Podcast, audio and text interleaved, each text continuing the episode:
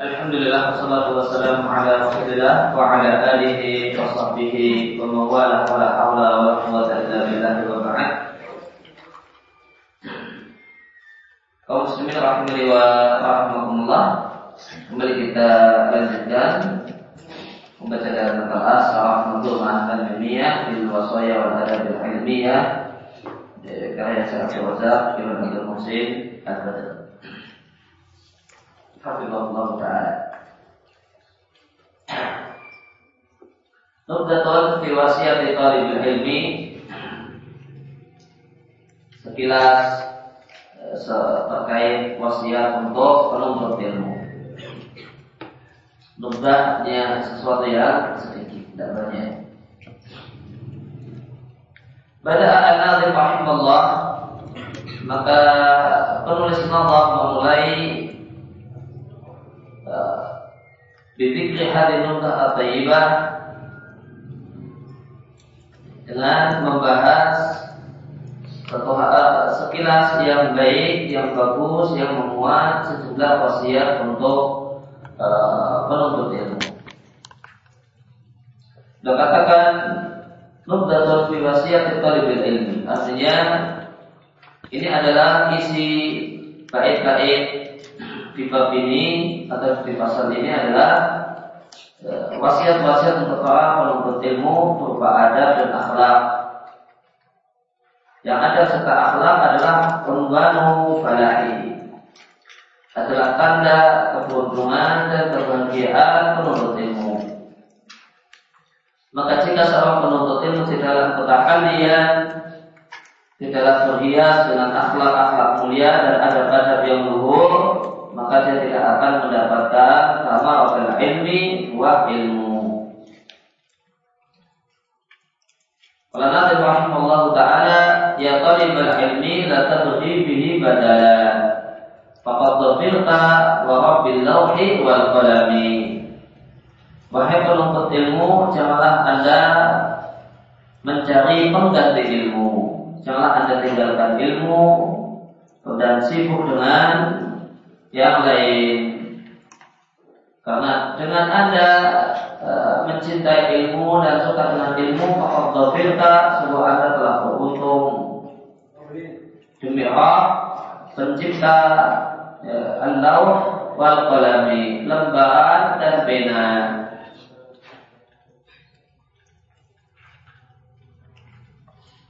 Maka anda memulai anugerah at-taibah sekilas yang baik, sekilas yang bagus tentang ada dan akhlak penuntut ilmu, pihak dan tidak latif dengan panggilan yang lembut ya talibul ilmi. Yaitu panggilan wahai penuntut ilmu. Artinya wahai orang yang Allah muliakan wahai orang yang Allah berikan anugerah kepadamu dengan bergabung dalam rombongan at-tayyib al-mubarak yang isinya adalah orang-orang yang baik. Satu rombongan yang isinya adalah orang-orang yang diberkahi. Itulah rombongan para penuntut ilmu. Wayasa'alaka dan Allah mudahkan bagimu untuk termasuk menjadi bagian dari orang yang berilmu atau penuntut ilmu. Uh, penulis bermaksud dengan panggilan ini akan B mengingatkan mayat tadihi hadal intisab bahasanya penisbatan diri kepada ilmu penisbatan diri pada penuntut ilmu itu memiliki konsekuensi min hukumin wa ada ada konsekuensi berupa sejumlah kewajiban berupa hak ada dan kewajiban yang ada pada tersebut melekat pada setiap orang yang menempuh jalan yang diberkahi ini yaitu jalan ilmu. La tadri bihi badala. Janganlah Anda tukarkan uh, ilmu dengan kegiatan yang lain. Artinya jangan Anda cari, jangan Anda cari badalan pengganti yang lain menggantikan kesibukan dan kecintaan dengan ilmu. Karena ilmu adalah akbar maklubin adalah ya, cita-cita yang terbaik makhluk artinya sesuatu yang dicari yang terbaik. Wa asrafu amri dan perkara yang paling mulia tusghalu fi anfasu yang nafas dan umur itu disibukkan dengannya. Waktu bagi al dan waktu itu berlalu di dalamnya. Maka anda seorang yang mencintai ilmu, seorang yang gemar mencari ilmu, maka anda dalam kebaikan yang besar dan keutamaan yang luas. Wa yumni bihada dengan kalimat ini Janganlah anda mencari ganti eh, Ganti untuk ilmu Maka yulmi eh, Beliau mengisyaratkan bahasanya penuntut ilmu tidak boleh tidak akan mengalami selama kehidupannya di dunia hal-hal yang akan menyibukkannya dari kegiatan menuntut ilmu dan memalingkannya, membelokkannya dari kegiatan untuk mendapatkan ilmu. Waswarul ketika maka hal-hal yang membelokkan e, seorang penuntut ilmu dari dunia ilmu itu sangatlah banyak. Waswadu dan hal-hal yang menghalangi dari ilmu itu banyak, itu berbilang. Oleh karena itu maka ya, supaya bisa konsisten di jalan ilmu tidak boleh tidak harus ada perjuangan melawan diri sendiri ya. awal istighfar dan terus menerus menuntut ilmu al mudawwama terus menerus untuk mendapatkan ilmu ulama warada sarifun setiap kali menjumpai hal-hal yang membelokkan atau atau terpampang suatu hal yang menghalangi dari ilmu. Tak sungguh anda telah beruntung demi Allah dan yang menciptakan lembaran-lembaran kertas, kalami dan pena. Artinya jika anda tetap berlalu meniti jalan ilmu dalam keadaan bersabar, berharap pahala, bersungguh serius, mustahil dan bersungguh-sungguh dalam ilmu dan mendapatkan ilmu, busta. Maka Anda beruntung dengan mendapatkan keuntungan yang terbesar dan ghanimah dan keuntungan yang terbesar. Kemudian yang bersumpah dengan dengan Allah Jalla wa ala wa dan dia khususkan disebutkan secara khusus lembaran kertas dan pena itu ya secara khusus disebutkan dalam sumpah ini. Kenapa dipilih demi Allah yang menciptakan lembaran kertas dan pena? Karena dua hal ini kertas dan pena adalah zadu talibil ilmi, bekal pokok, ya, bekal penuntut ilmu. Tidak boleh tidak penuntut ilmu Labina itu membutuhkan lembaran kertas dan pena.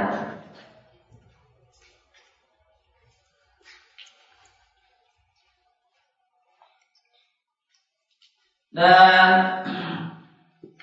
eh, dan di sini disebutkan bahasanya Allah telah arah untuk lembaran kertas dan pena ya tadoman maka secara tidak langsung tadkir Kalimat ini mengingatkan penuntut ilmu untuk merasa untuk memiliki perasaan bahwasanya Allah memberikan minnah anugerah pada dirinya. Dengan Allah mudahkan bagi anda untuk memegang kertas dan pena dan anda catat di kertas tersebut sebaik-baik perkataan dan sebaik-baik petunjuk. Wa karena jika bukan karena anugerah Allah betapa banyak manusia yang membawa pena dan kertas dan mencatat namun mencatat dengannya kebatilan dan kesesatan, kekufuran dan menghalang-halangi manusia dari jalan Allah.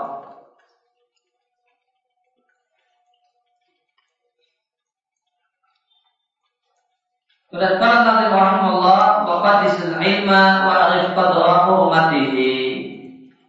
fil qawli wal fi'li wal adabi faltazimi dan muliakanlah ilmu dan sadarilah kadar kehormatan ilmu dalam perkataan dan perbuatan dan dalam ada faltazimi lalu komitmenlah dengannya takdis maknanya tanzih artinya bersihkanlah ilmu dari segala hal yang tidak layak bagi ilmu dan tidak layak dilakukan oleh penuntut ilmu. Melihat oleh karena itu sepatutnya penuntut ilmu untuk menghormati ilmu, menghormati kita berisi ilmu dan menghormati para ulama, para dai pembawa ilmu. Bagaimana terdapat dalam hadis yang diriwayatkan Imam Ahmad dan Hakim dan Ubadah bin Samit radhiyallahu anhu Nabi Shallallahu Alaihi Wasallam mengatakan laisa min ummati bukanlah umatku orang yang tidak menghormati orang yang ya, berusia tua. Tidak sayang dengan yang muda dan tidak mengetahui hak yang menjadi yang dimiliki oleh orang yang berilmu di antara kami.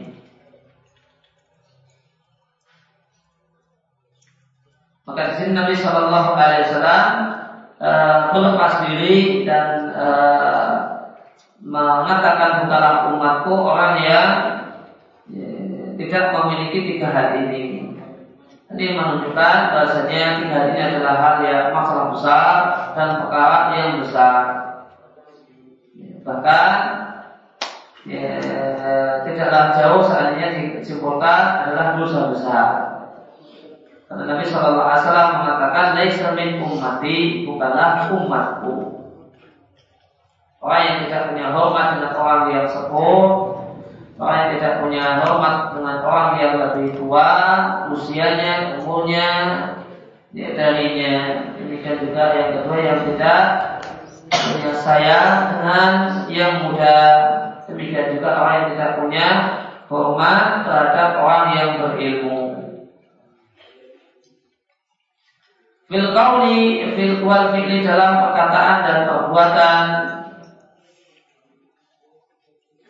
Artinya adalah pensucianmu terhadap ilmu dan pengetahuanmu tentang Kemuliaan ilmu itu ada dalam perkataan dan perbuatanmu. Musyiran maka kalimat ini mengisyaratkan maka penulis novel mengisyaratkan bidalika dengan kalimat di atas Bahasanya adab yang patut diperhatikan berkenaan dengan ilmu itu ada ada berupa perkataan dan ada ada berupa perbuatan. Dan penulis Nazar rahimahullah akan menyebutkan sebagian darinya. Nanti akan dia sebutkan. Faltazimi artinya iltazim bi ada bil ilmi uh, komitmenlah dengan ada menuntut ilmu dan ada menuntut ilmu adalah perkara yang sangat penting para ulama pun sampai mengkhususkan bikin dapat dan nasihat dengan sejumlah tulisan yang manfaat khusus membahas ada penuntut ilmu. Bahkan bukan hanya tulisan, bahkan nafas buku khusus tentang ada menuntut ilmu yang mufidah yang bermanfaat.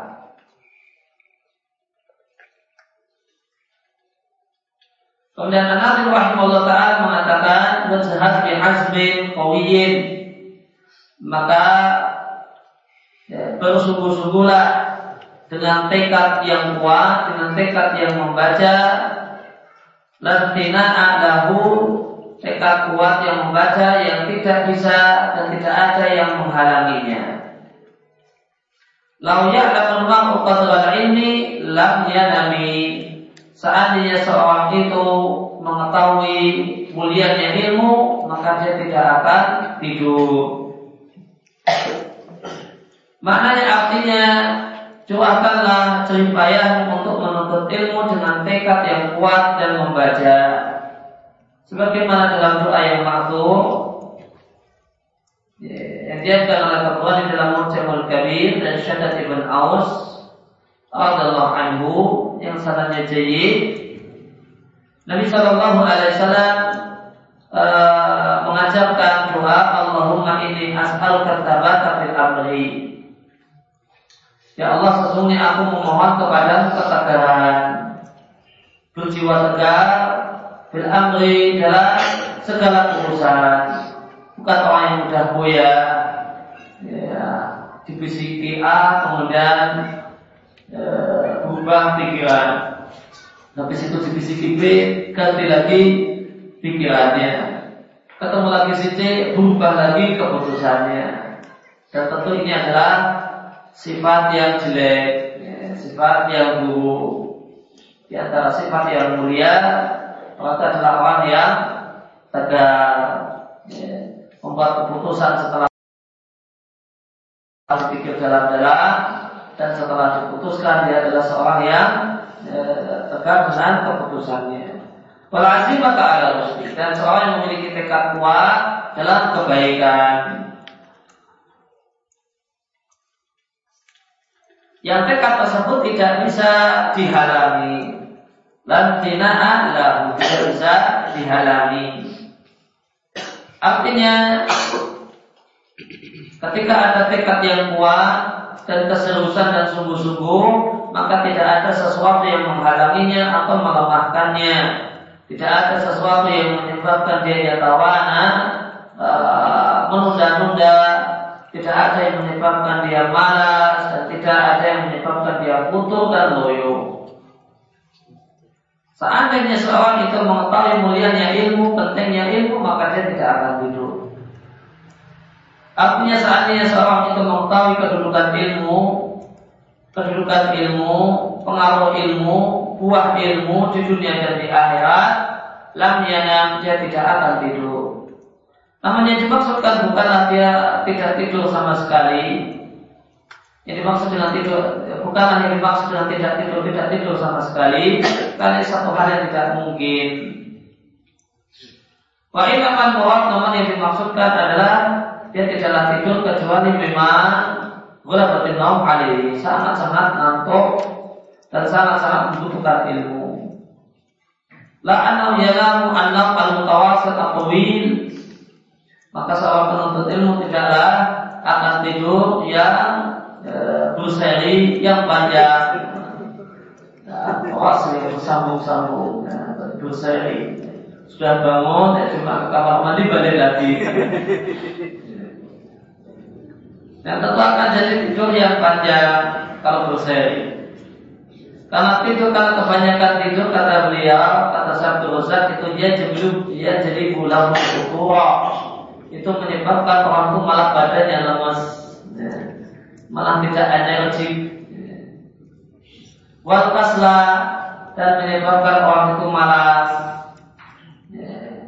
wal dan menyebabkan orang itu malas wadok fadhihan dan menyebabkan pikiran itu tidak kuat, pikiran itu tidak tajam.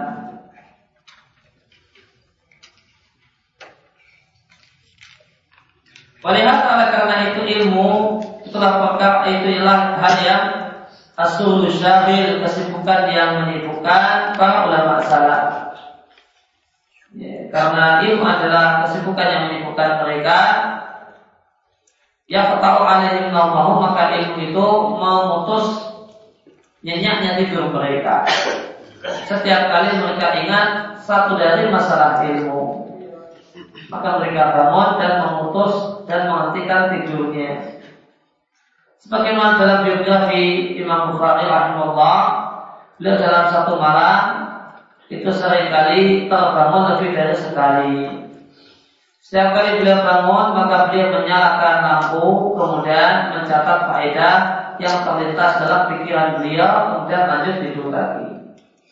Bayangkan dapat faedah saat tidur.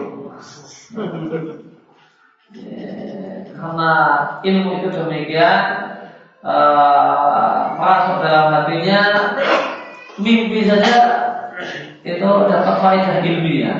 Pas kemudian mimpi itu dapat faedah ilmiah terbangun. Ini ada uh, saat mimpi ketemu dengan orang yang boleh jadi mengatakan perkataan yang bagus banget. maka dicatat. Kalau dilanjutkan nanti malah hilang nanti apa saja yang didapatkan. Dan mencatat faedah ilmiah yang kualitas pada benarnya kemudian dikeluarkan.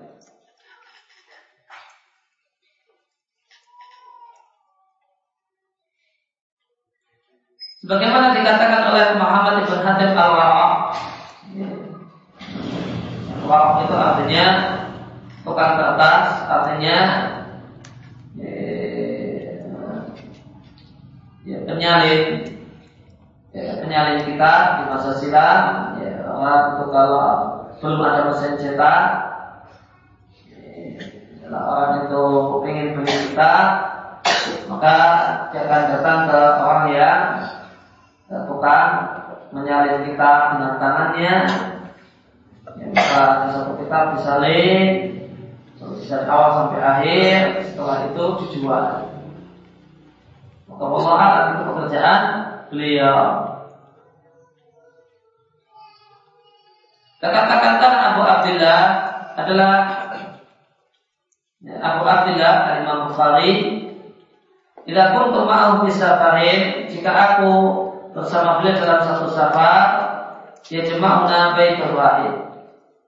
Maka saya dengan beliau itu satu rumah Allah maknanya satu tenda ila bil kecuali di musim panas. Fakultu Allah maka aku melihat Abu Abdullah Imam Bukhari Muhammad bin Ismail Al Bukhari Yakumu filailil wahida dalam satu malam itu bangun sebanyak 15 kali. Bahkan bisa sampai 20 kali. Artinya tidurnya bukan tidur yang nyenyak tidurnya Imam Bukhari bukan tidur yang lelah mau habis nah, namun tidur yang tidak nyenyak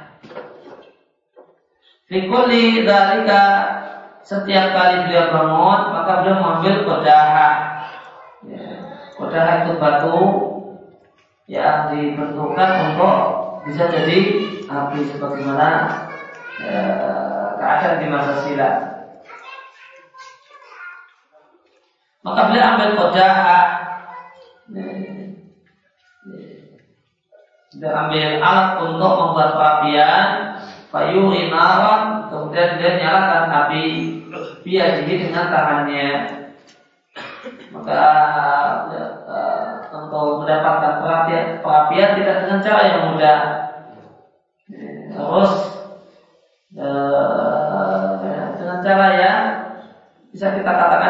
kita katakan cara yang susah.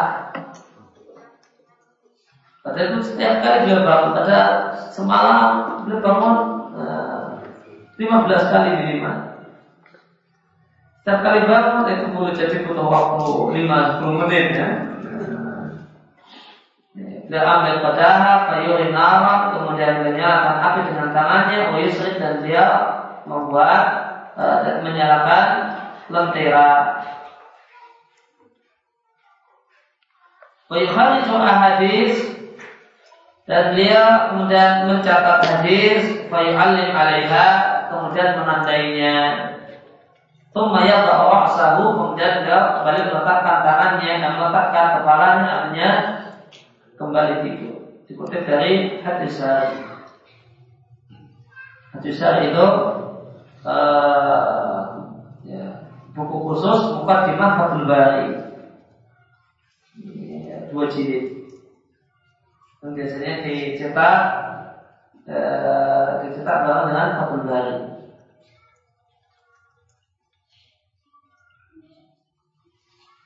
Kalau Allah dan Allah Ta'ala berfirman menggambarkan ahli iman orang-orang yang beriman dan menyelam mereka jauh dari tempat tidur dan mereka adalah orang-orang yang berdoa dan beribadah kepada Tuhan mereka khaufan wa tama'an dengan rasa takut dan rasa harap sejuta ayat yang ke-16 maka kita lihat di sini bagaimana tidurnya uh, orang yang berilmu. Mereka ya, tidaklah mereka tidur lelah ya, bukan tidur yang tidur mereka bukanlah tidur yang lelah ya, namun tidur yang itu pun masih harus dipotong-potong tidur yang harus dihentikan bolak-balik karena merasa mendapatkan faedah ilmiah yang sangat disayangkan kalau tidak dicatat dan dikhawatirkan hilang jika tidak segera dicatat.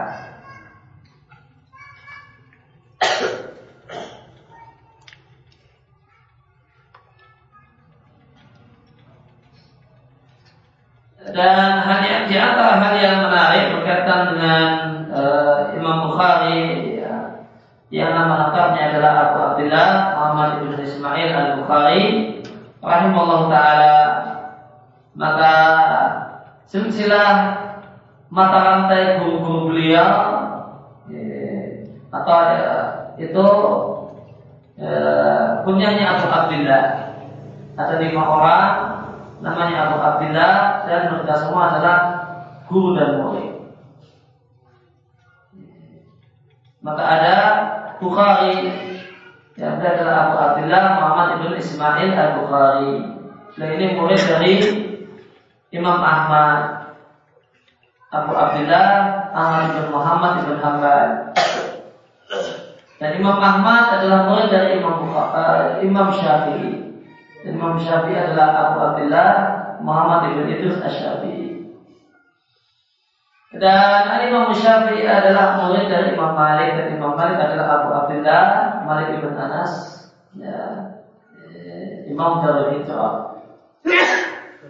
Ya. Dan Imam Malik adalah murid dari Nafi. Ya, murid dari Nafi. Dan Nafi adalah Abu Abdullah Nafi Maula ibn Umar.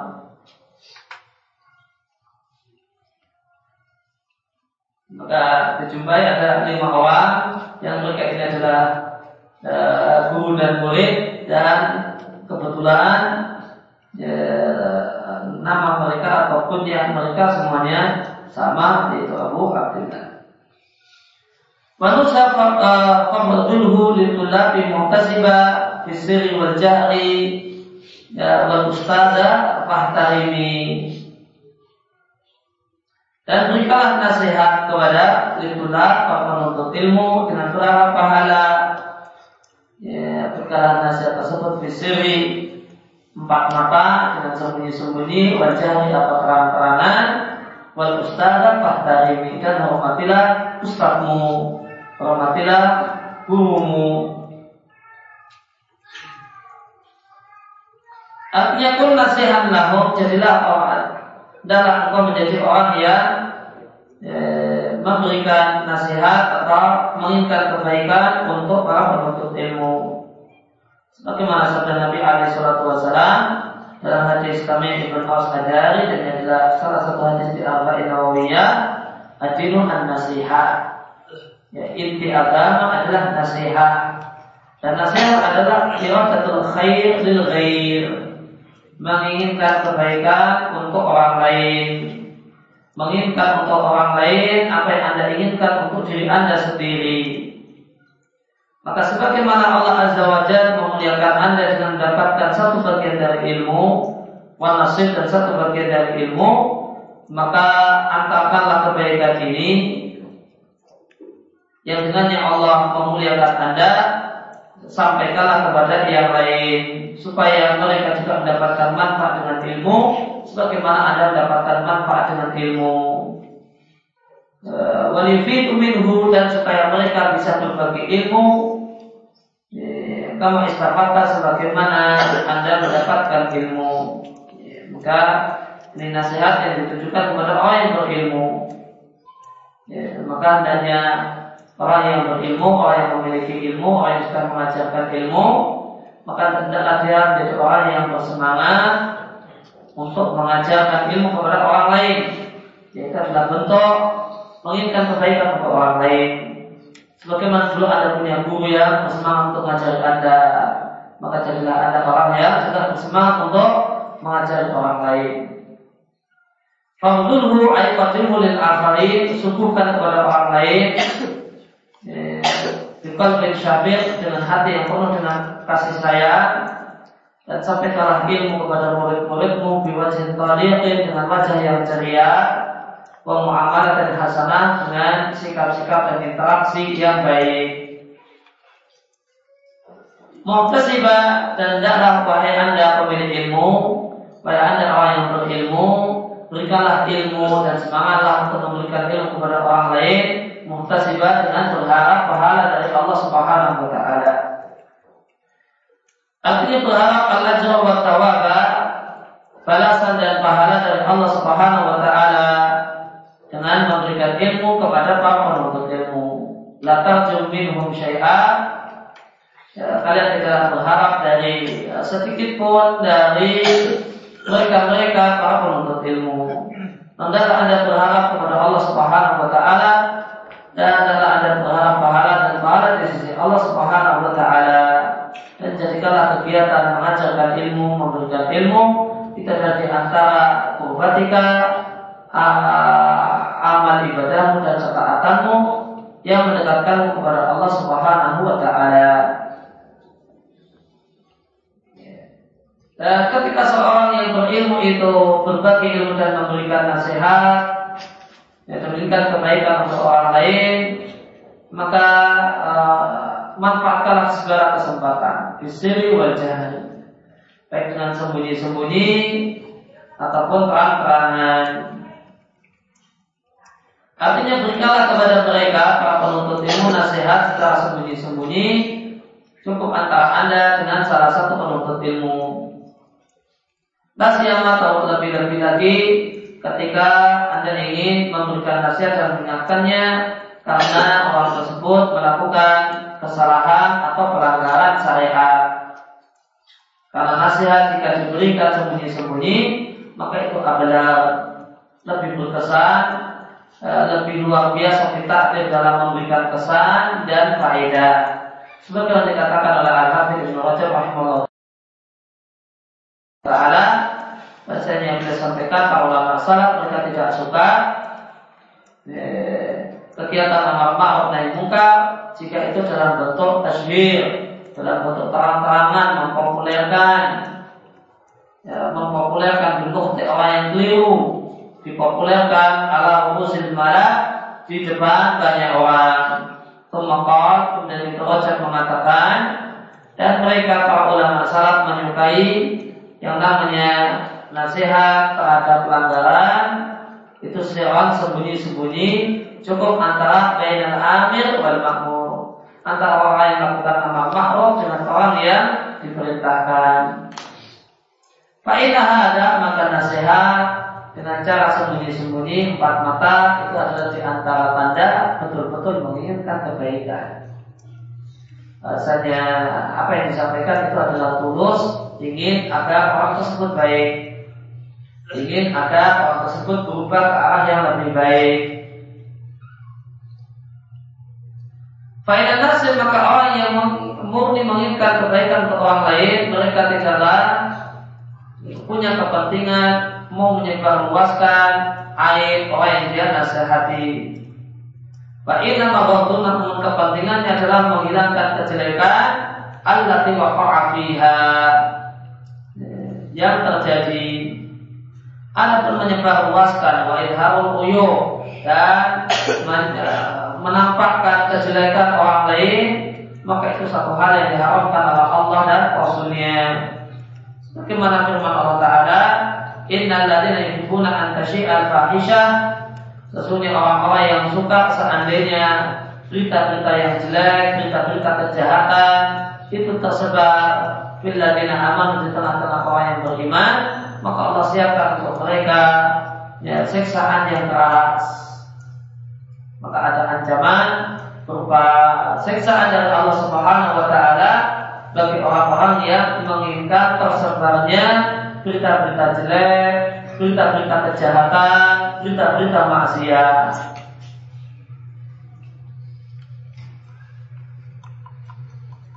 Eh, jika demikian ancaman untuk orang yang menginginkan. Padahal dia baru sekedar menginginkan Bagaimana dengan yang sudah uh, praktek secara langsung. Ikut menyebarluaskan berita kejelekan. Wal ahad tidak tetap Rajab dan hadis-hadis tentang keutamaan asil, keutamaan memberikan nasihat dengan sembunyi-sembunyi Kathir al-jidan banyak sekali. Demikian disampaikan oleh Al-Habib Ibn Rajab Al-Hambali dalam kitab beliau Al-Farqu Bainan Nasihat wa Ta'ir. Beda antara memberikan nasihat dan mempermalukan. Karena banyak orang yang tidak bisa membedakan dua hal ini. Sampai-sampai Ibn Rajab terus menulis buku khusus bahasanya uh, nasihat itu berbeda dengan mempermalukan. Berbeda dalam masalah diksi. Ya, berbeda dalam masalah mana yang ditekankan dan digarisbawahi. Ya, dan berbeda dalam cara. Ya, maka cara orang yang memberikan nasihat atau cara orang mau uh, menjatuhkan kemudian mempermalukan tentu cara yang dipakai itu berbeda. Demikian juga diksinya tentu berbeda. Dan mana yang mau digarisbawahi ya, dari kalimat-kalimat yang disampaikan itu juga berbeda. Demikian juga berkalah nasihat secara terang-terangan tentunya fiturusil aman ya, pelajaran yang bisa diakses oleh banyak orang.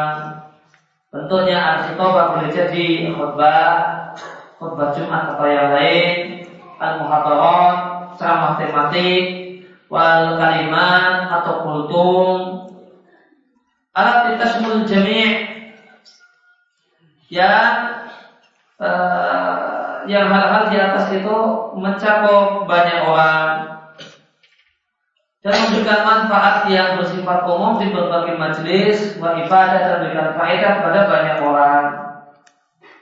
Fatakul daiman maka adalah anda selalu menjadi orang yang bersemangat untuk menyebarkan kebaikan dengan berbagai macam sarana-sarana yang memungkinkan. Dan di zaman kita saat ini istajadat ba'dul wasail.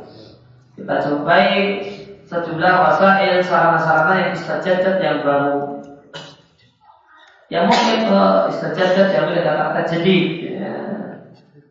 Yumkinu istifadah minha yang mungkin untuk dimanfaatkan dalam rangka menyebarkan ilmu dan menyebarluaskan ilmu semacam internet, kemudian jawalan dan HP. Maka dua-duanya adalah uh, pisau bermata dua, ya, pedang bermata dua. Jika orang bisa memanfaatkannya dengan baik, ya, maka internet itu gudang ilmu. Ya, untuk apa ya memanfaatkannya dengan baik. Namun orang yang tidak bisa memanfaatkannya dengan baik, nah, maka dia akan tersesat di hutan belantara internet. Dan yang bisa terdapat banyak jual-jual yang mematikan. Orang yang uh, bisa memanfaatkannya dengan baik karena tahu jalan di hutan tersebut, ya, uh, maka dia bisa memetik buah-buah yang harum, maka terdapat banyak buah yang uh, yang sangat bermanfaat, bergizi, ya, berfaedah di hutan belantara internet. Demikian juga sebaliknya, ya, al jawalan dan sekarang bahkan jawalan itu telah gabung jadi satu dengan internet. Bahkan badlu dan memberikan ilmu dengan berbagai macam sarana itu akan menambah ilmu seseorang. Sebagaimana dikatakan oleh Al-Ilbiri dalam wasiatnya kepada anaknya Abu Ishaq Al-Ilbiri eh, seorang penyair mengatakan Bahkan zallat alaihi lusan dan ilmu itu adalah simpanan berharga yang Anda tidak perlu khawatir dengan pencuri. Yang dan ilmu itu adalah khafiful hamli, enteng dibawa ke mana-mana. Yujatu hai hai kunta. Dia ada di mana saja Anda berada. Yazid bikafatul infaq minhu dan ilmu itu bertambah dengan banyaknya diberi, banyaknya diinfakkan. Wayang kusu inti kafa syadata dan akan berkurang jika ada ikat tanganmu. Ya, jika ada ikat tanganmu tidak mau berbagi ilmu. Maka ilmu jika ditahan oleh pemiliknya dan dia tidak berikan pada orang yang lain, orang lain kosong maka akan berkurang. Sebagaimana dikatakan oleh Abdullah ibn Mubarak, orang Taala, dia mengatakan siapa yang boleh dengan ilmu yang dia miliki, dia akan mendapatkan tiga kejelekan. Yang pertama boleh jadi dia mati dan hilanglah ilmunya. Kemudian yang kedua boleh jadi lupa karena jarang diajarkan. Jadi antara cara untuk melengkapkan ilmu adalah dengan mengajarkannya. Karena di antara cara cepat hilangnya ilmu tidak mengajarkannya. Kemudian yang ketiga, oh ya bersama sultan, kaya dahu ilmu atau malah sibuk dengan politik, ya, sibuk dengan kekuasaan dan berburu kekuasaan, ya, dan ya, ya, dan ketika orang itu sibuk dengan politik dan kekuasaan dan meninggalkan ilmu dan tidak meninggalkan kegiatan uh, mengajar, meninggalkan kegiatan ngisi pengajian karena sibuk apa ya, uh, sibuk kemudian mikirkan uh, jadi tim sukses dan sebagainya dalam ilmu. Ilmunya akan hilang. Ilmunya akan hilang. Dan betapa banyak kalau kita bawa ke realitas tempat kita betapa banyak kiai-kiai yang ketika masuk ke dunia politik pesantrennya bubar. Pesantrennya bubar. Banyak sangat banyak kasus. Ya, kiai-kiai yang masuk ke dunia politik akhirnya pesantrennya tidak tahu. Kenapa dia tidak pernah lagi ngajar? Ya, karena lagi ngajar ya, maka ya, pesantrennya bubar pesantrennya hilang semua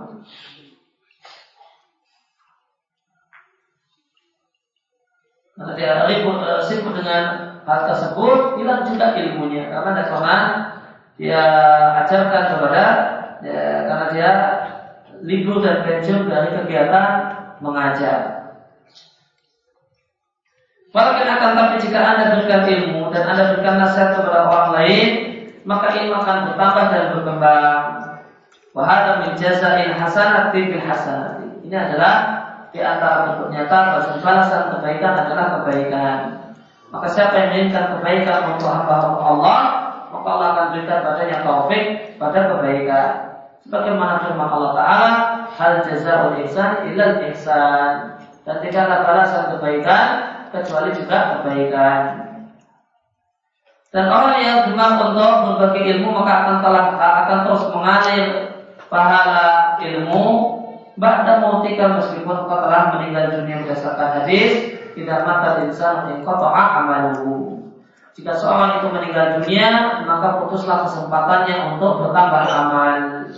Illa min salasin, kecuali ada tiga jenis manusia yang meskipun meninggal dunia, maka kesempatan, maka pahala amal itu tetap mengalir untuknya. Sedekah jariyatin, ya, sedekah yang mengalir pahalanya, yaitu wakaf yang masih dimanfaatkan maka selama dimanfaatkan maka terus pahala mengalir pada orang wakaf. Kalau ilmu yang tafa'ubi atau ilmu yang diambil manfaatnya boleh jadi uh, diambil manfaatnya setelah dia meninggal dunia, ya, boleh jadi dengan uh, dengan buku yang dia tinggalkan, karya uh, berupa buku yang dia tinggalkan dan masih dicetak dan dipelajari dan dibaca, atau dengan murid-murid yang dia tinggalkan yang masih saja terus menerus menyebabkan ilmu awalatin solihin jazaulahu atau anak yang saleh yang memiliki sifat sifat anak soleh dan ciri khas anak soleh dan indikator anak soleh yadaulahu mendoakan kebaikan untuk orang tuanya. Jadi dalam muslim dan sahabat Abu Hurairah. Allah mengaku. Tadi adalah nasihat pada orang yang berilmu, kepada ustaz, kepada guru, kepada orang yang berilmu. Kemudian uh, kemudian ditambahkan dengan nasihat untuk penuntut ilmu buat ustaz dan hormatilah gurumu. Jadi adalah satu hal yang sangat penting sekali dalam kegiatan menuntut ilmu.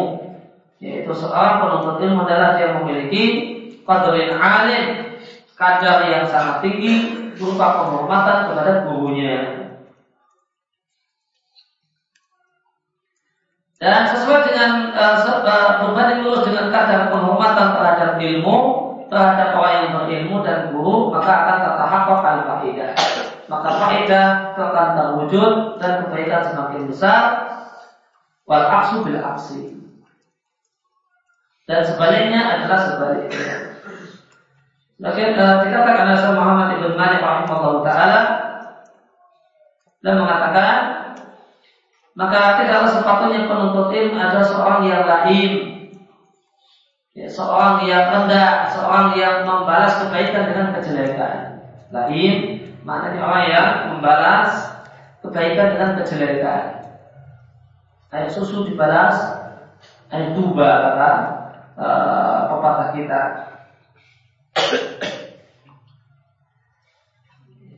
Di antara bentuk lainnya seorang seorang murid membalas kebaikan gurunya dengan kejelekan, dia gunjing gurunya.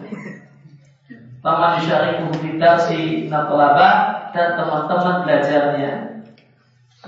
Mengakulah bapak penuntut ilmu yang ikut bersama dengan yang tidak dalam belajar. Maka ini yukobil hasan bisayyah. Dan namanya membalas kebaikan dengan kejelekan. Kalau syahadnya sebagaimana kami saksikan sendiri dengan mata kepala kami banyak uh, banyak murid, banyak uh, siswa semacam itu. Hatta hurul ilmu bisa berbeda alif ya, sehingga mereka pun tidaklah mendapatkan ilmu karena sebab hal tersebut membalas kebaikan gurunya uh, dengan kejelekan. Pada wajib alaih maka menjadi kewajiban seorang penuntut ilmu untuk al-iqrar bifadlihi ya, untuk mengakui keutamaan orang gurunya, jasa gurunya dan kewajiban uh, seorang penuntut ilmu adalah doa ulang mendoakan kebaikan untuk gurunya. Wanasu mahasinihi. Dan yang ketiga, uh, nasu menyebar luaskan kebaikan-kebaikan gurunya, sisi-sisi positif gurunya. Dia ceritakan uh, di berbagai majelis, uh, di berbagai kesempatan, boleh jadi dengan dia menulis biografi gurunya, dengan menceritakan di sana uh, kelebihan-kelebihan gurunya. Boleh jadi dengan uh, ketika si murid ini telah menjadi pengajar, maka dia pun ya, ceritakan tentang kisah-kisahnya bersama, kisah-kisah menariknya bersama gurunya.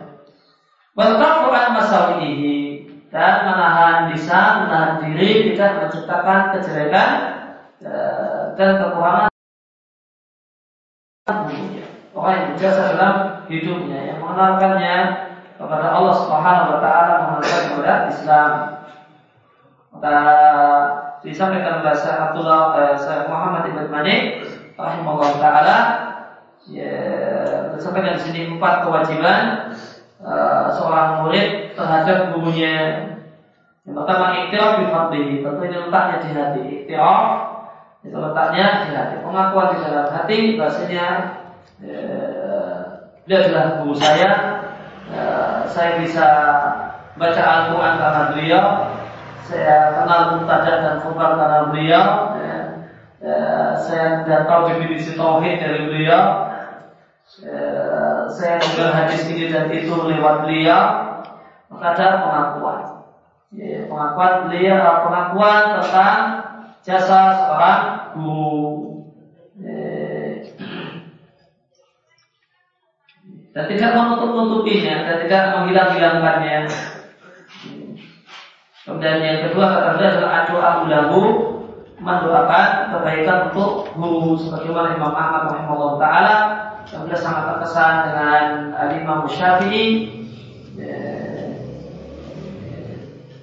dan pelajaran yang diberikan oleh Imam Syafi'i maka Imam Ahmad mengatakan sejak saya mengenal Syafi'i ya, maka Eh, setiap hari saya mendoakan Syafi'i. Setiap hari saya mendoakan Syafi'i. Kemudian yang ketiga dari mana sumpah hasil ini kebaikan, sisi positif, kelebihan-kelebihan boleh jadi kelebihan akhlak, boleh jadi kelebihan dari sisi ilmu dan sebagainya. Dia cerita-ceritakan kepada orang lain. Jadi keempat, seandainya gurunya itu punya kekurangan yang dia ketahui, ya, maka dia tidak menyebarluaskannya atau tidak ikut-ikutan menyebarluaskannya.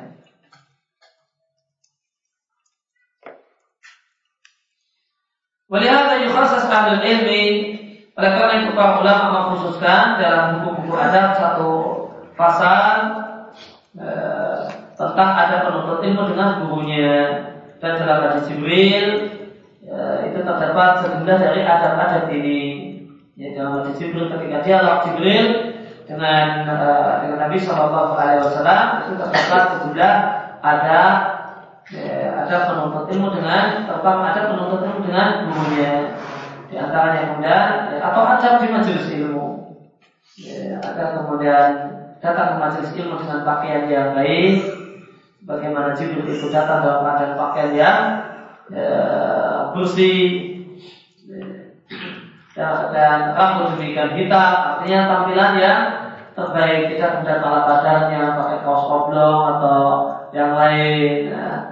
Namun uh, ada penghormatan terhadap majelis ilmu ada penghormatan terhadap orang yang mau ditemui itu guru ya dan pemateri yang mengajarkan ilmu kemudian uh, mengambil uh, posisi yang dekat dengan sumber ilmu sebagaimana Jibril mengambil posisi dekat dengan Nabi Shallallahu Alaihi Wasallam.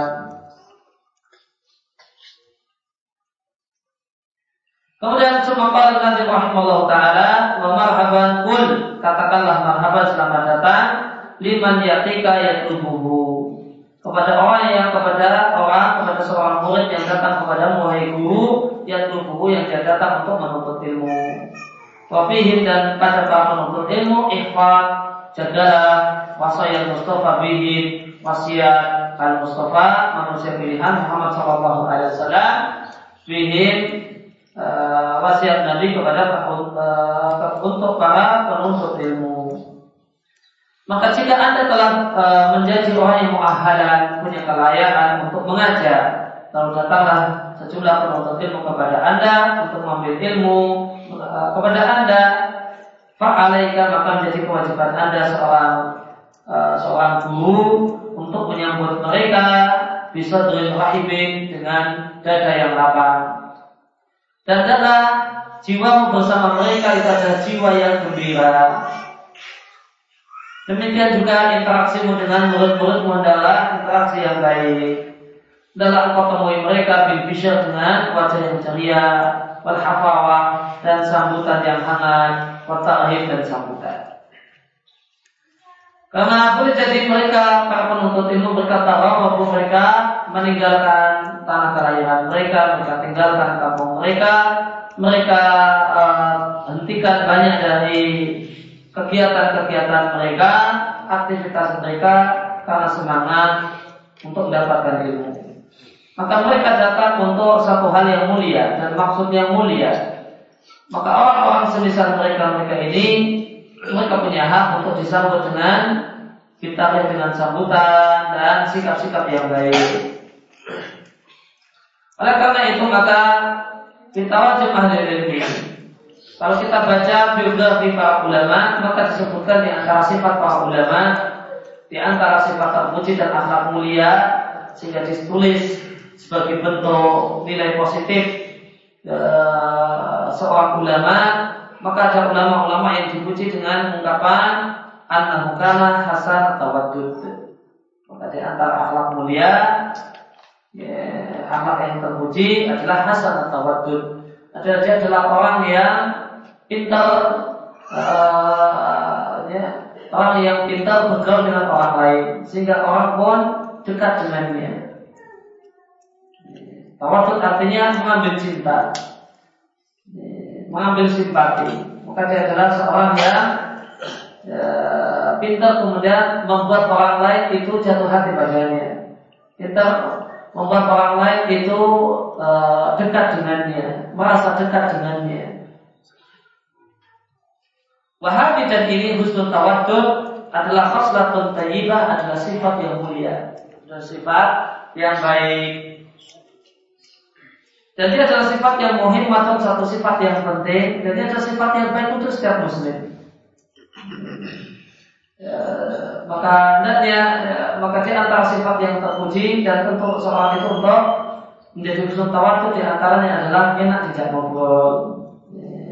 Tidak orang yang tidak kemudian uh, kaku. Bukan tipe orang yang berbunyi kalau sudah ditabur. Itu tidak harus tawadu. Ya, jutanya itu kalau kita ditanya diem saja. Itu husnul tawadu. Orang yang husnul tawadu adalah ya orang yang uh, disapa dia balik menyapa uh, ketika kemudian dia dijak ngobrol dia kemudian ya, kemudian merespon ya, itu husnul tuh ya, orang yang enak dijak bicara enak dijak ngobrol uh, orang yang ramah tawadu itu mencakup banyak hal orang yang ramah, orang yang ceria, murah senyum, ya, enak dijak ngobrol, orang yang tidak kaku, ya, ya, bukan orang yang bermuka serem ya. ya, karena itu semua tentu tidak uh, menyebabkan tidak akan terwujud husnul tawadud ya. ya, maka dia adalah tawadud orang yang uh, menyebabkan orang lain itu jatuh hati padanya. Orang itu dekat dengannya. Orang itu ya, merasa kemudian uh, kemudian disikapi dengan sikap-sikap yang baik, merasa dimuliakan, merasa dihargai, orang yang dekat dengannya merasa dihargai, dimuliakan, dan mereka semua simpati dengan orang tersebut. Ini husnul tawadud. Eh, wa hadhi khaslatun thayyibah. Ini adalah sifat yang sangat-sangat bagus. Muhimmat itu penting jadi penting untuk semua orang. Penting untuk semua orang. Bukan hanya penting untuk alim besar, untuk uh, seorang yang berilmu dan seorang guru. Untuk semua muslim itu satu hal yang penting. Namun jika dia adalah seorang uh, seorang guru, seorang pengajar bukan lebih penting lagi supaya dia menjadi uh, guru favorit murid-muridnya ya. uh, supaya dia menjadi guru yang uh, dicintai oleh murid-muridnya maka hendaknya seorang guru ayakuna hasan tawadud adalah dia seorang guru itu memiliki sifat hasan tawadud gimana cara kemudian hasan tawadud katakan basyasha dia adalah seorang yang ceria wajahnya. Watta'ah dan dia adalah seorang yang ya, ya, wajahnya itu lepas, ya, tidak kaku. Ya. Tolak itu artinya ceria. Namun ceria kenapa disebut tolak Karena bukan wajah yang mengkerut, karena mengkerut itu kemudian mengumpul satu dengan yang lain itu ngumpul, ya, satu bagian wajah dengan yang lain itu ngumpul terikat kencang mengkerut-mengkerut akhirnya. Dan orang yang belajar ceria maka kerutan-kerutan di wajahnya itu dia lepas. Maka wajah ceria dalam bahasa Arab disebut tolakok. Mana asal tolakok? Tolakok lepas. Kebalikan dari ditahan. Maka tolak itu melepas. Ya, mentolak istri, mentolak istri itu melepas lahir kebalikannya adalah menahannya. Maka orang yang ceria dia tahan kekakuan wajahnya. Orang yang cemberut itu semuanya ngumpul. Ini yang ngumpul, ini yang ngumpul. Nah, satu dengan yang lain kumpul dan terikat dan tidak lepas. Optisama dan senyum dan buah senyum, bagus dan marah dan seorang yang bagus dalam berinteraksi.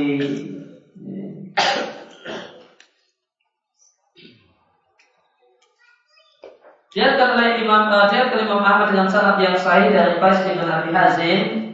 Qais mengatakan Nazal uh, nazala alaina Abu Hurairah. Satu ketika Abu Hurairah sehingga di rumah kami. Ya, terutama di rumah kami sehingga di rumah kami berkufah di kufah. Bahkan bainahu dan antara Abu Hurairah wa baina maulana dan bekas budak kami bahwa ada keterlambatan. Bahwa dan dia adalah Maula Ahmas.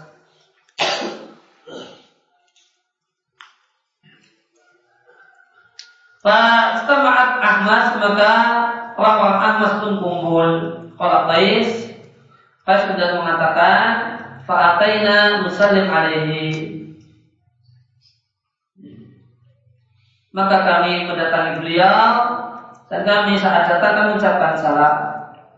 Faqala lahu abi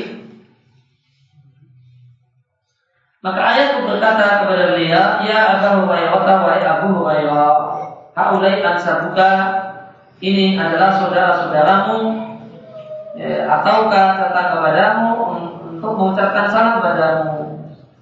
Wa tuhadisuhum dan supaya engkau sampaikan kepada mereka hadis dari Rasulullah Shallallahu Alaihi Wasallam. Maka mereka datang kepada mereka masih saudara dan mereka mau belajar hadis padamu. Maka mereka penuntut ilmu.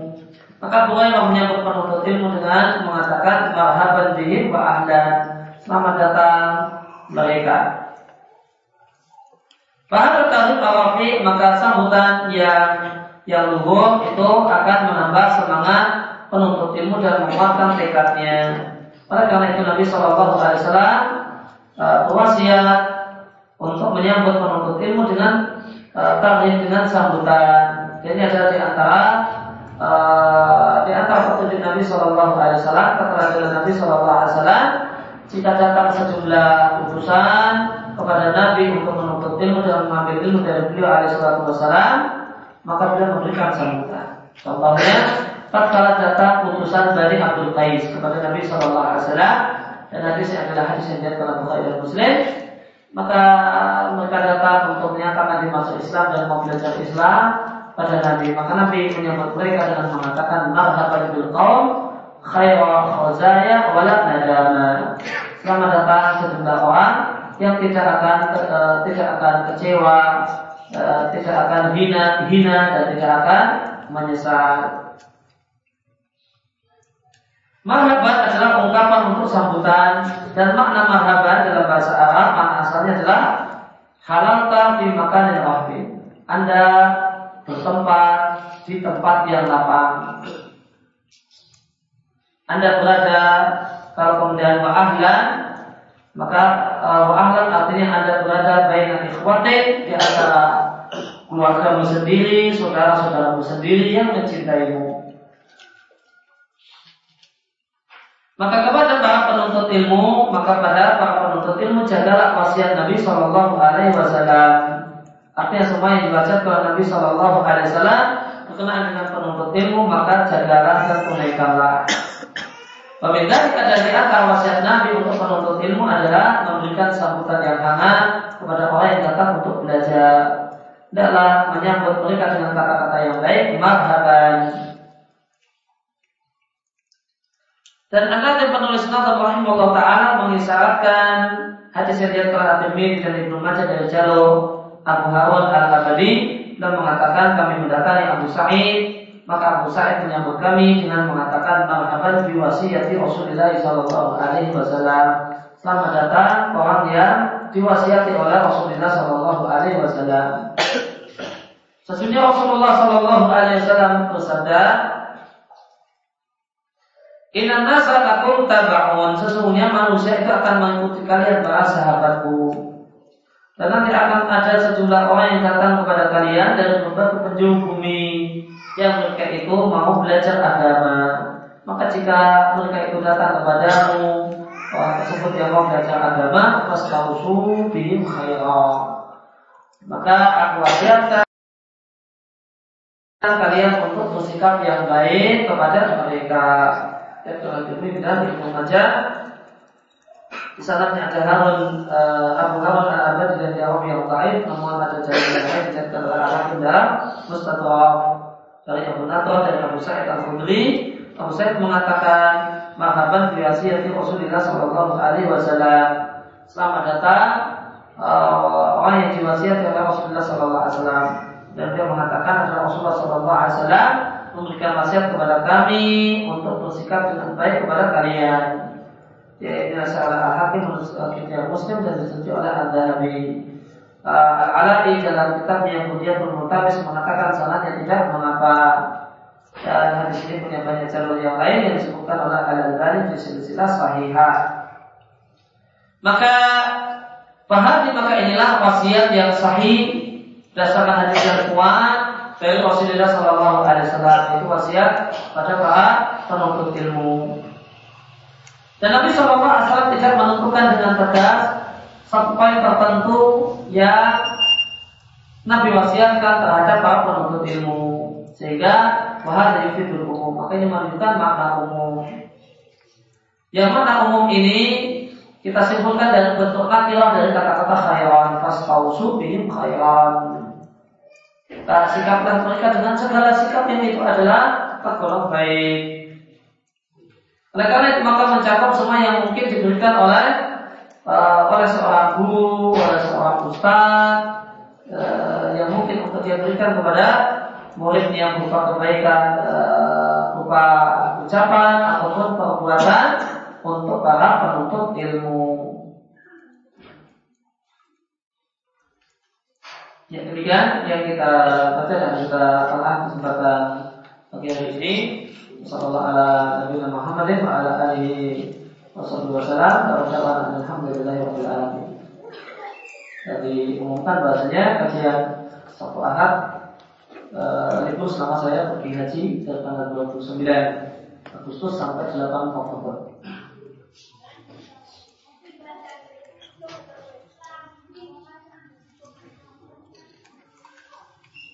Ya, kemarin ada pertanyaan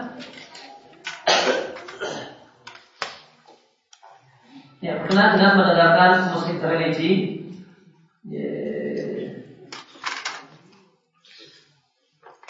yang isinya adalah pujian kepada Allah.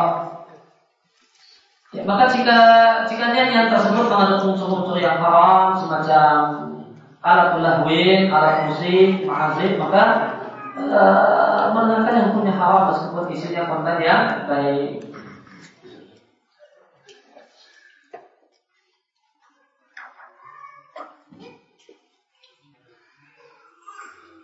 Apa makna hadis ini adalah penjara bagi orang yang beriman? Ada dua makna hadis, eh, hadis ini mencakup dua makna. Makna yang pertama, bahasanya orang yang beriman itu gerak geriknya dibatasi oleh syariat, dibatasi oleh hak hukum halal haram dari Allah Subhanahu Wa Taala. Dia tidak bisa berbuat semaunya sebagaimana orang kafir berbuat semaunya karena tidak kenal hukum Allah dan aturan-aturan Allah. Oleh karena itu dia dibatasi gerak geriknya sebagaimana orang yang di dalam penjara gerak geriknya dibatasi oleh sel penjara. Ini tidak bisa, itu tidak bisa, itu tidak bisa.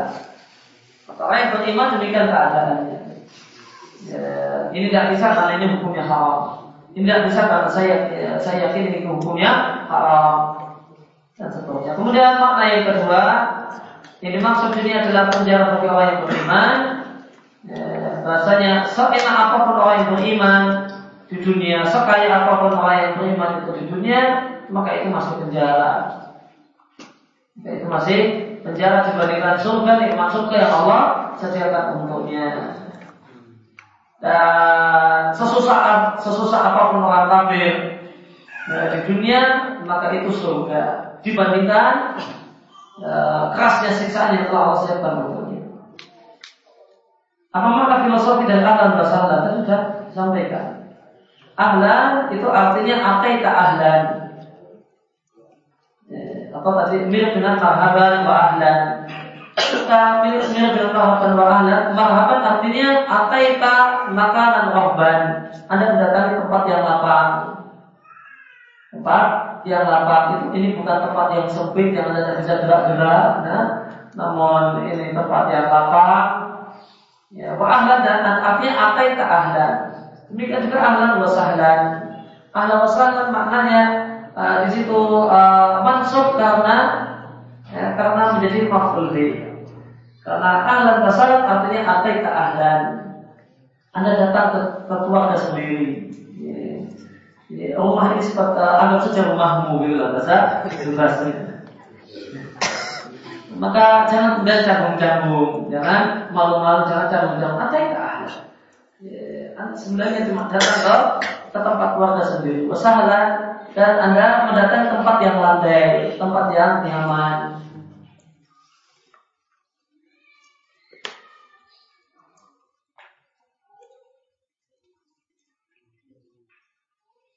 Seorang lupa untuk sujud sahwi di rakaat yang mengharuskan sujud sahwi dan dia kalau teringat di kemudian waktu maka ya sudah. Eh, kemudian jeda sudah lama ya sudah. Dia punya dia lupa dan ada kewajiban sujud sahwi. Eh sujud sahwi juga lupa juga. Nah, ingatnya setelah uh, setelah seminggu itu sudah.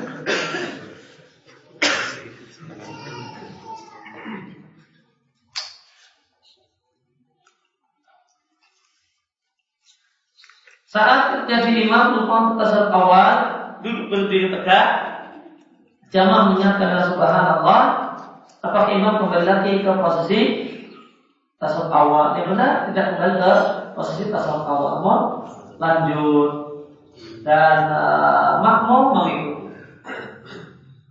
Kalau belum berdiri tegak, maka kembali duduk. Nah, kalau sudah berdiri tegak, maka terus nanti sujud sahwi sebelum salam.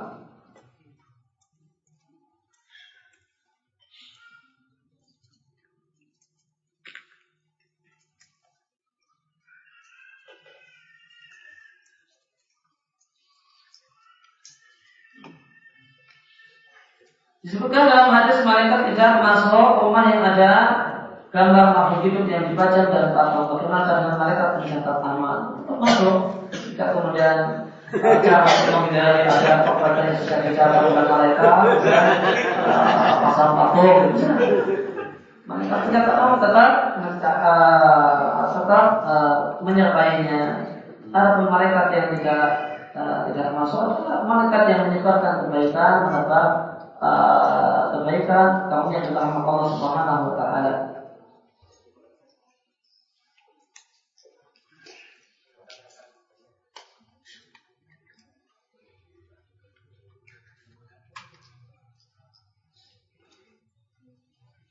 Apa hukumnya biaya administrasi dari bank? Setiap nasabah ngecek satu transfer membeli alat ATM mungkin boleh. Itu transaksi halalnya bank transaksi adalah yang dia minta fee atas jasa uh, jasa transfer.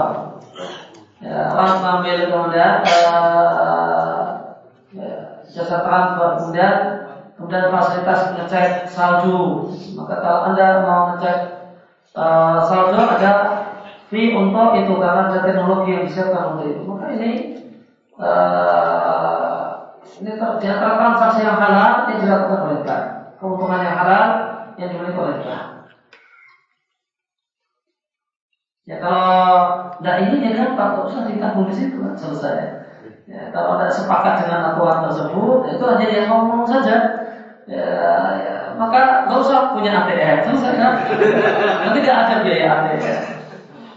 Ya, ATM ada biayanya, ya, kalau sepakat ya, ya menerima konsekuensinya jangan gutu di belakang berat sekali ya kalau tidak sepakat tinggal ditutup kan hilang. Ya, tidak ada kewajiban uh, untuk bayar administrasi ATM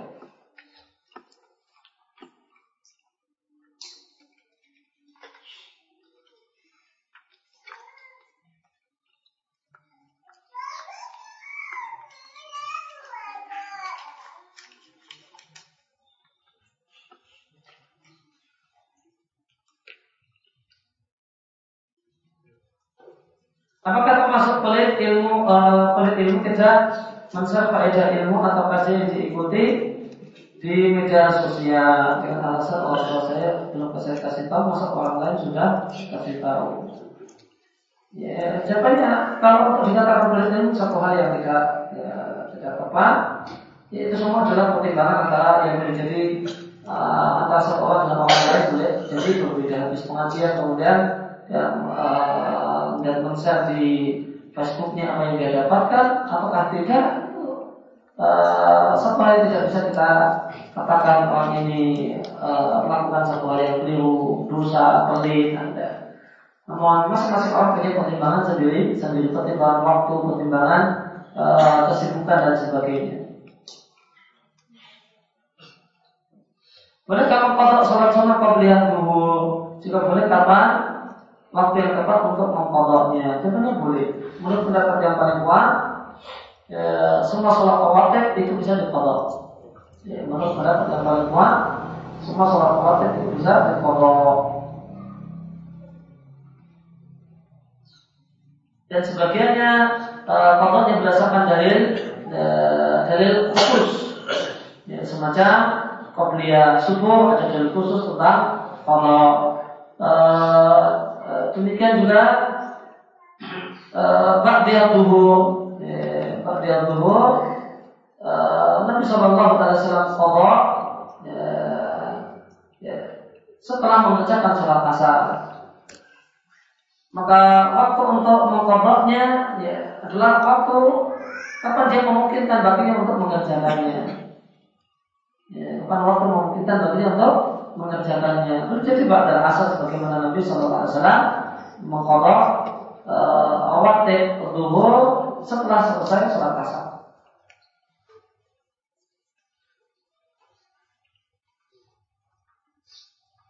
Mana yang lebih utama jika akikah anak laki-laki terutama dengan hari raya Idul Adha satu akikah dua kambing atau satu kambing untuk akikah satu kambing untuk korban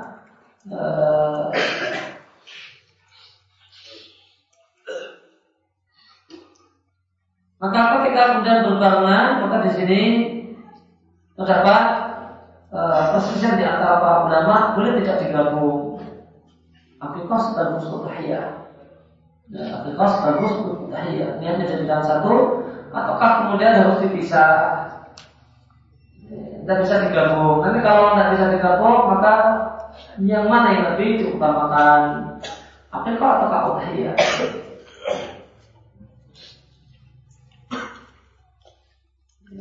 Maka sebagian ulama mengatakan bisa digabung namun Allah Ta'ala alam pendapatnya lebih hati-hati dalam masalah ini tidak menggabung antara menggabungkan niat antara udhiyah dan akikah. Jika demikian kemudian mana yang didahulukan? Maka kita lihat mana yang waktunya sempit. Mana yang waktunya sempit.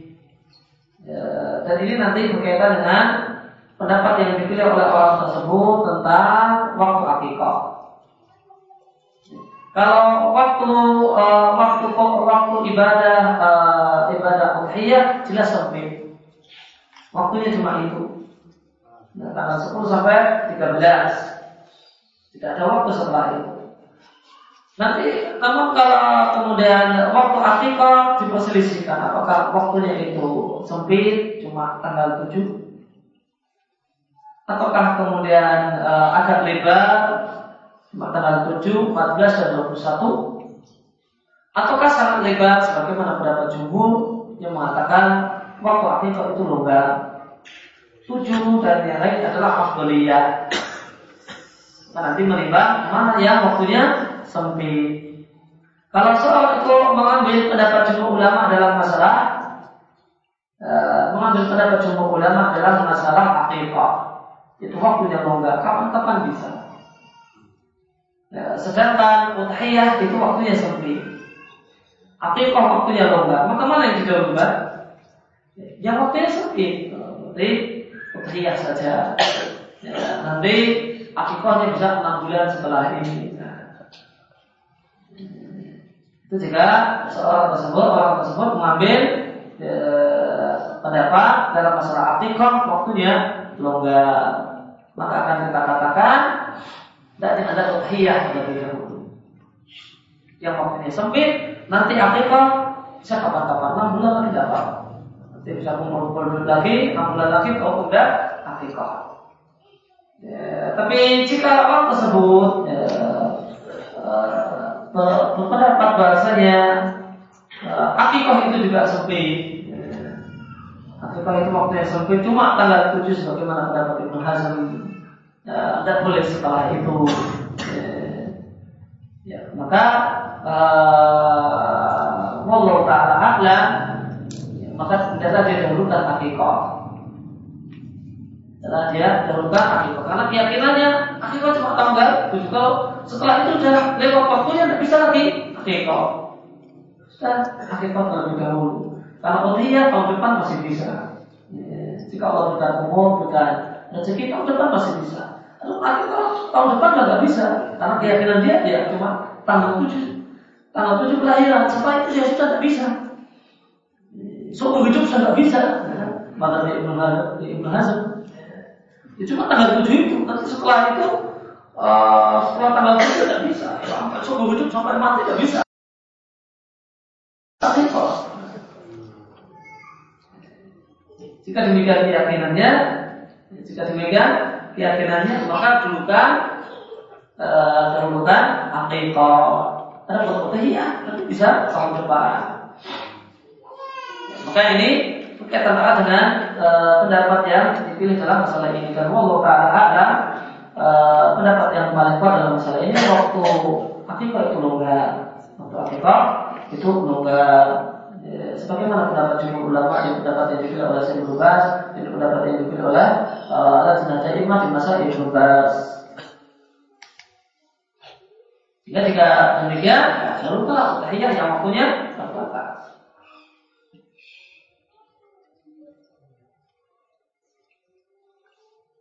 Bagaimana ketika seorang mulai aktivitas mengajar untuk ilmu agar fokus mengerjakan tugas akhir? Tidak mengapa uh, itu wajibul waktu bagi dirinya, ya. wajibul bagi dirinya. Dan uh, yang terbaik bagi seseorang itu adalah muraat wajibul waktu. Yang uh, uh, kaidah manajemen uh, prioritas adalah uh, ya, yang diajarkan oleh para ulama adalah mu'at wajib waktu. Masing-masing itu punya kewajiban uh, kewajiban waktu untuk dia. Waktu ini untuk dia? Ya.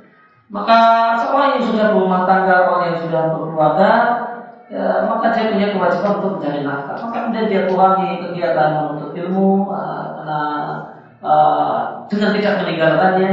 Ya namun cuma sekedar mengurangi saja karena ada waktu yang harus dia berikan untuk e, untuk mencari nafkah maka itu tidak mengapa karena itu wajib waktu bagi dirinya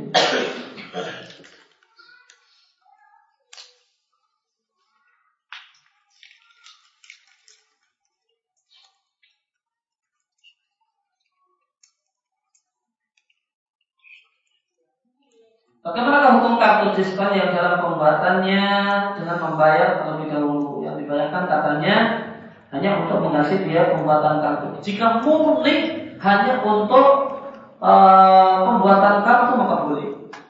Ini pembuatan kartu harga ongkos produksinya berapa? 2000 ya sudah cuma 2000 itu saja maka boleh. Tapi kalau kemudian ongkos pembuatan kartu itu kemudian 2000 namun kemudian uh, dia minta juga 10000 maka kartu diskon ini hukumnya haram. Karena hukum dasarnya uh, kartu diskon itu yang halal adalah yang gratis. Kalau berbayar maka hukumnya haram karena alasan riba, maisir dan yang lainnya. Kenapa? Karena ini uang diganti dengan uang. Bayar, dia bayar sepuluh ribu, dia bisa dapat barang nilainya ya, sekian uh, sekian ribu. Ya bayar sepuluh ribu dan dia dapat barang nilainya misalnya seratus ribu. Atau nilainya juga sepuluh ribu misalnya ya. jadi uang ditukar uang ya, namun ada jeda. Maka ini masalah. Saat ini itu sepuluh ribu dan sepuluh ribu. Sepuluh ribu dengan eh, seratus ribu maka nanti uh, nanti masalahnya lebih banyak lagi. Masalahnya lebih banyak lagi. Karena hakikatnya uang ditukar dengan uang dan uang ditukar dengan uang ada aturan mainnya, ada ketentuannya. Kalau tidak, kalau dilarang maka ini e, maka ini riba yang haram. Oleh karena itu maka jika itu murni cuma ongkos produksi maka tidak mengapa. Tapi jika uh, ada keuntungan dari hal tersebut dari mengeluarkan kartu diskon, ya, maka hukumnya haram karena riba. Dan tak ribanya? Karena uang ditukar dengan uang. Ya, karena hakikatnya uang ditukar dengan uang.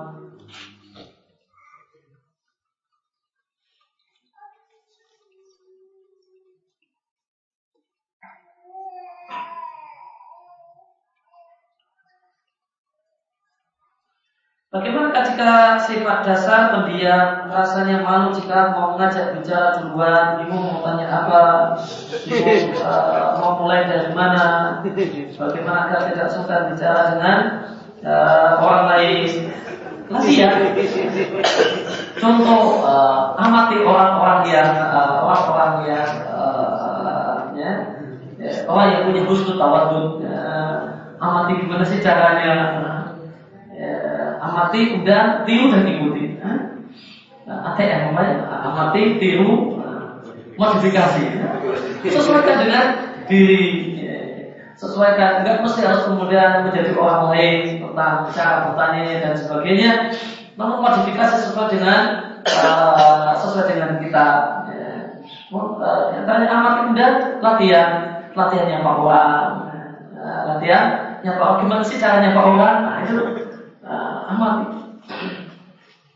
Dan seharusnya yang uh, yang yang pertama kali ngajari hal ini adalah orang tua. Ketika sejak kecil ada tamu dan uh, anak diajari cara nyapa, cara nyambut tamu. Ini orang tuanya uh, datang tamu gimana cara nyapa tamu, gimana cara nyambut tamu apa ya terus dilakukan. Nah, seandainya orang tuanya kelewatan nggak mudah ngajarinya, ya kita latihan sendiri kita latihan sendiri. Ya dengan dengan mencoba orang-orang yang kita lihat adalah orang yang kita bergaul. Ya orang-orang yang kita bergaul seperti itu cara mendekatkan diri dengan orang lain.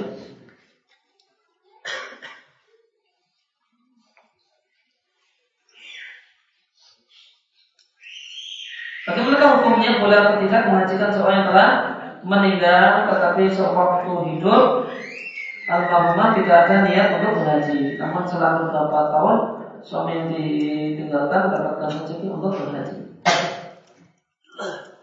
Ya tentu orang yang bisa menghajikan orang lain adalah orang yang uh, sudah berhaji terlebih dahulu. Uh, jika orang sampai meninggal dunia belum terkena kewajiban haji, maka menghajikannya tidak wajib, bukan sebuah keharusan.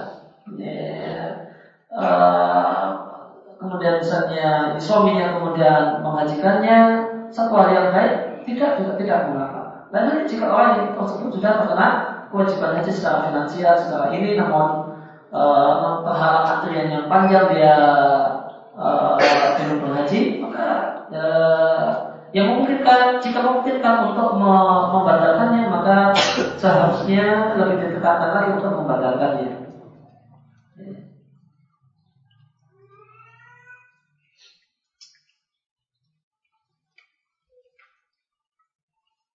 Bolehkah menggabungkan niat sholat sunnah sebagaimana menggabung e, menggabungkan puasa sunnah?